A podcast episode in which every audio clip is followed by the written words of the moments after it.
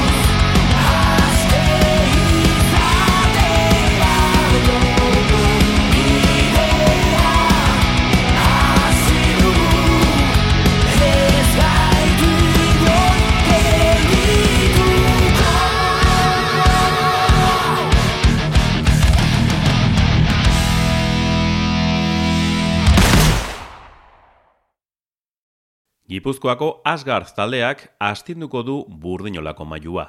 Maiatzaren hogeita zortzian itzuliko dira taula gainera amabost urteren ondoren. oraingoan bai. Ondo bidean, zeldatik disko berria urtea bukatu aurretik argitaratuko dute.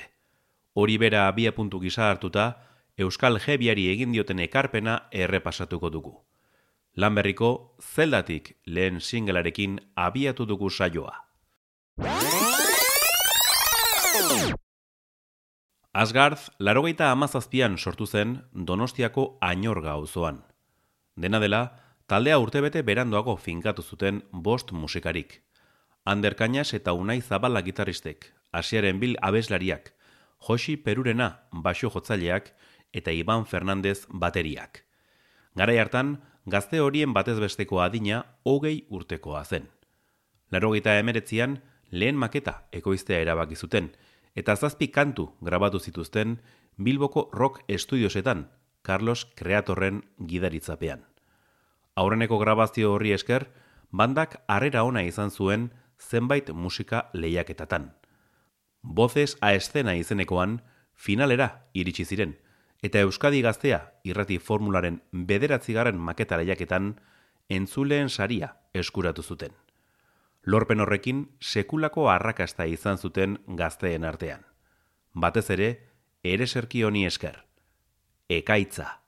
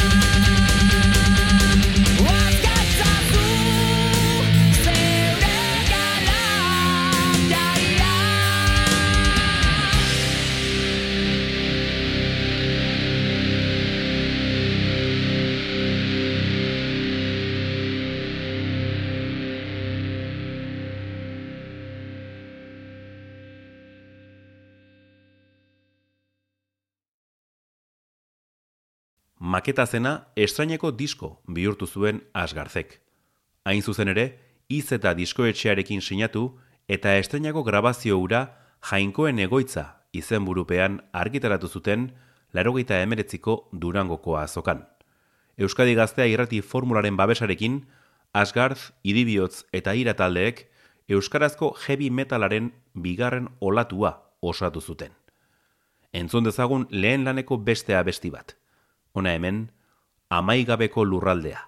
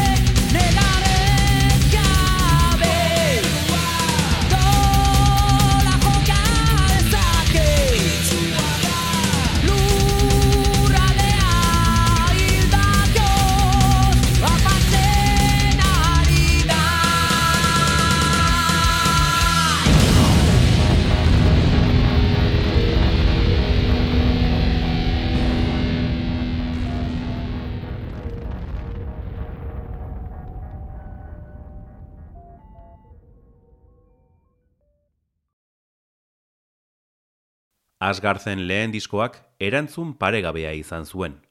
Horrela, 2000 garren urtea zinez oparoa izan zen boskotearen zat. Euskal Herriko txoko askotan jotzeko aukera izan zuten, eta euren musika oso presente zegoen irrati uinetan. Zuzenekoekin lanpetuta ibiliarren, Gipuzkoarrak bigarren diskoa prestatzen hasi ziren. Taldekideek argi zuten estrenako lana maketa bat zela eta disko mardulago bat osatzea erabaki zuten. Horrela, amasako izeta estudioetan sartu eta hiru astetan lan berria grabatu zuten. Beste behin ere, Carlos Creator arduratu zen ekoizpenaz. Etorkizunaren sustraia bigarren diskoa 2000 eta batean kaleratu zuten hause duzue, meategi beltza.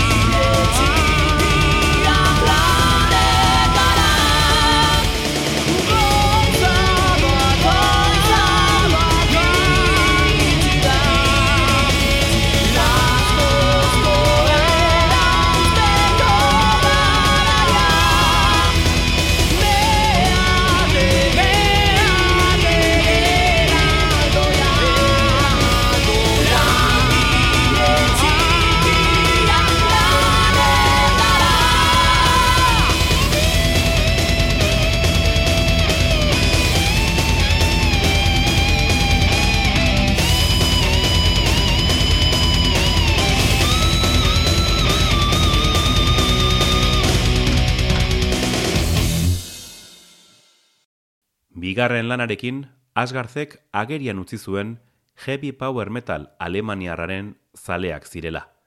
Halloween, Gamma Ray, Primal Fear eta Acept bezalako taldeen eragina nabari da etorkizunaren sustraia diskoko kantuetan. Bestalde, Euskal Jebiaren bi olatuen arteko lotura egin zuten latzeneko aitor uriarte abeslaria lan berrira gonbidatuta. Hona hemen beste kantu bat, eriotzaren aurpegia.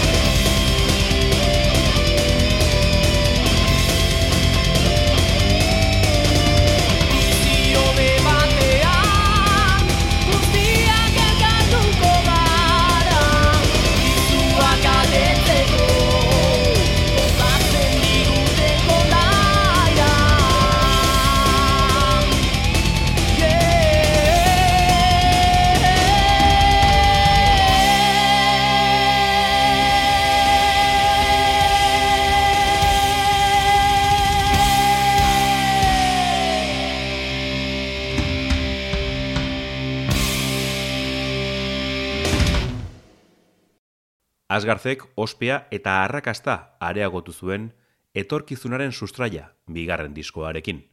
Pentsa, 2000 garren eta 2000 eta bat garren urtean artean, irurogei kontzertutik gora eman zituzten. Hori, etzen ohikoa heavy metala euskaraz jorratzen zuen talde batentzat, sutagar aitzindarien salbuespenarekin. Ainorgakoek ondo aprobetsatu zuten garaiura euren doinuak laua izetara edatzeko. Hau duzue, iparaizea.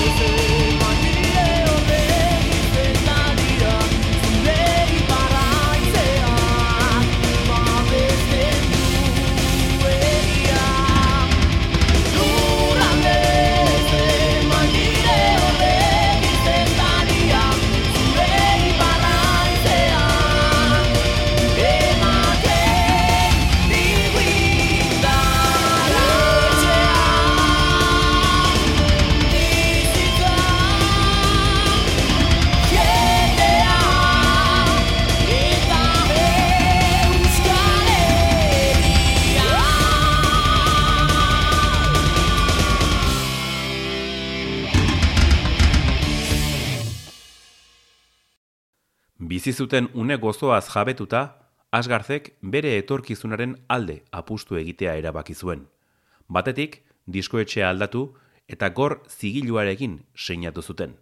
Bestetik, matxitxa management bulegoarekin bat egin zuten zuzenekoen kontratazioa hobetzeko. Helburu berriak zehaztuta, 2000 eta biko irailean, iru, irugarren diskoa grabatu zuten, Nafarroako Sonido 21 estudioetan, Juanan eta Javi San Martin anaiekin. Ordura arteko lanik borobilena da, sormenari eta soinuari dagokionean. Hona hemen, Goian Bego.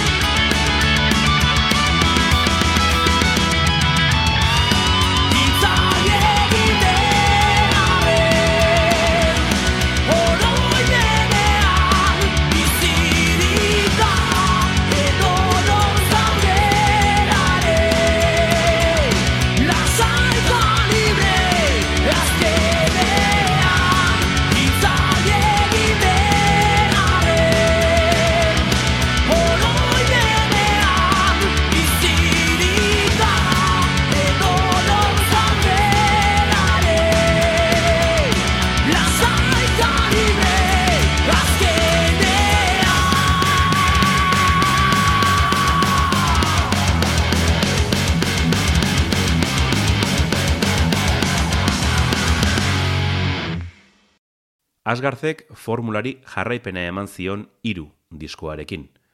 Heavy power metal alemaniarra oinarri gisa hartuta, ekarpen propioa egiten saiatu ziren.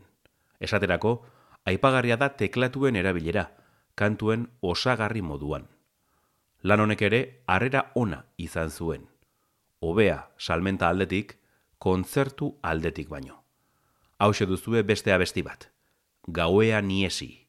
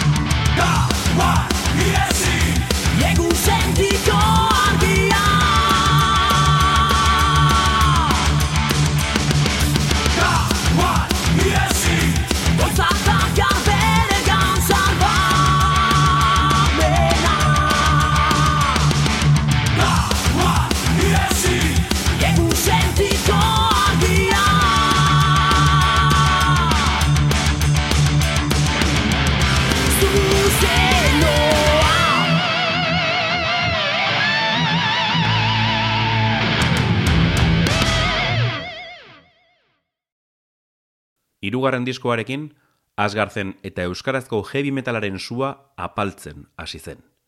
Irrati formula, bombo bikoitzaz aspertu zen, eta sustaturiko moda bazterrean utzi zuen. Egoera horren ondorioz, taldeak atxeden hartzea erabaki zuen, aurrera begira zer egingo zuten erabakitzeko. Askok pentsatu zuten, Asgard banandu egin zela.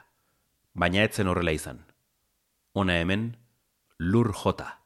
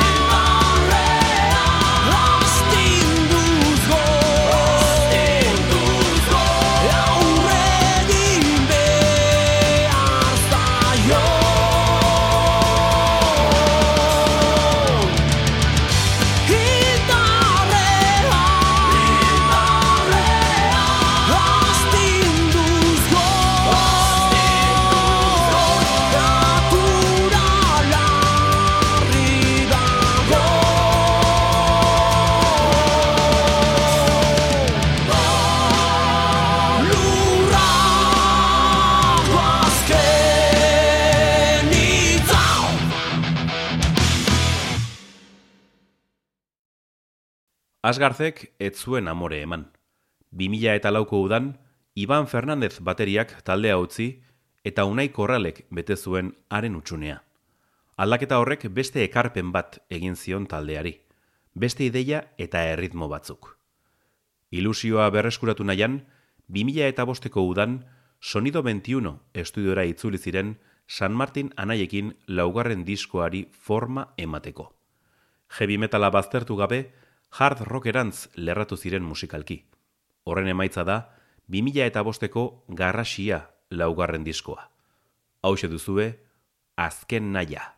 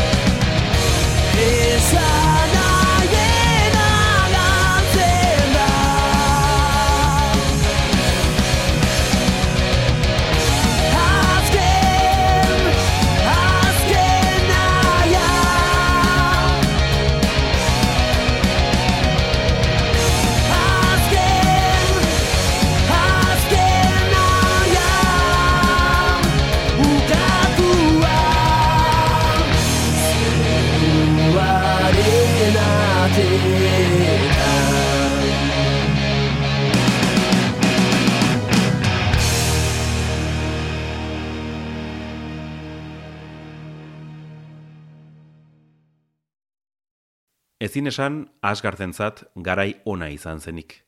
Arazoak izan zituen gorzigiluarekin, eta garrasia lana EDG Music diskoetxearekin elkarlanean plazaratu zuten.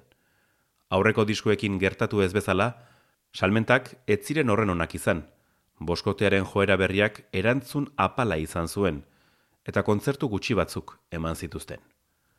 Hori dela eta, 2000 eta zazpiko irailaren batean, gora beheraz betetako amar urteko ibilbidea amaitu zuten etxean, ainorgako zinema zaharrean.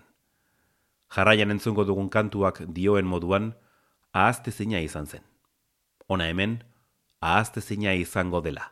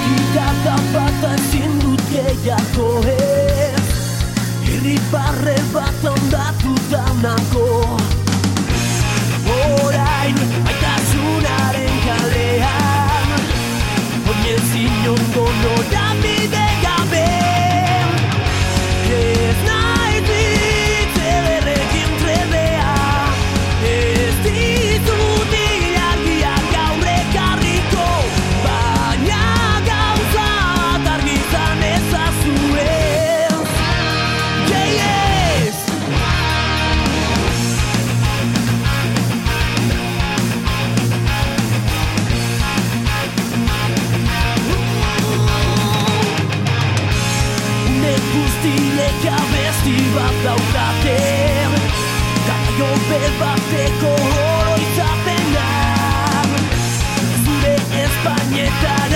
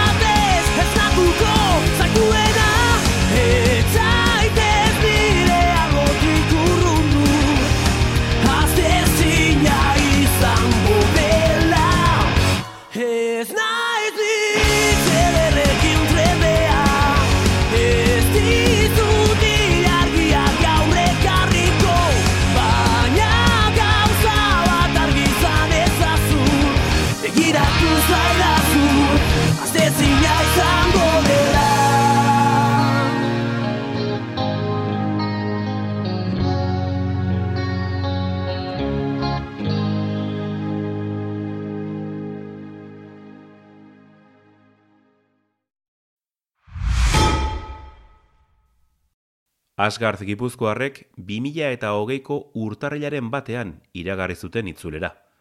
Ander Kañas, Unai Zabala eta Aseren Bil jatorrizko taldekideek boskotea berrosatu zuten Mikel Jarza basu jotzailearekin eta Etxaun Urkizu bateria jotzailearekin. Entxegu lokalean lana gogor egin ondoren, zeldatik izeneko bosgarren diskoa grabatu zuten aritz arregirekin, eta badirudi urtea bukatu baino lehen argitaratuko dutela. Bitartean, taula gainera itzuliko dira euren ibilbideko abestiak jotzera. Programa bukatzeko, garrasia diskotik, zuzenean kantua aukeratu dugu. Urrengora arte, metalzale.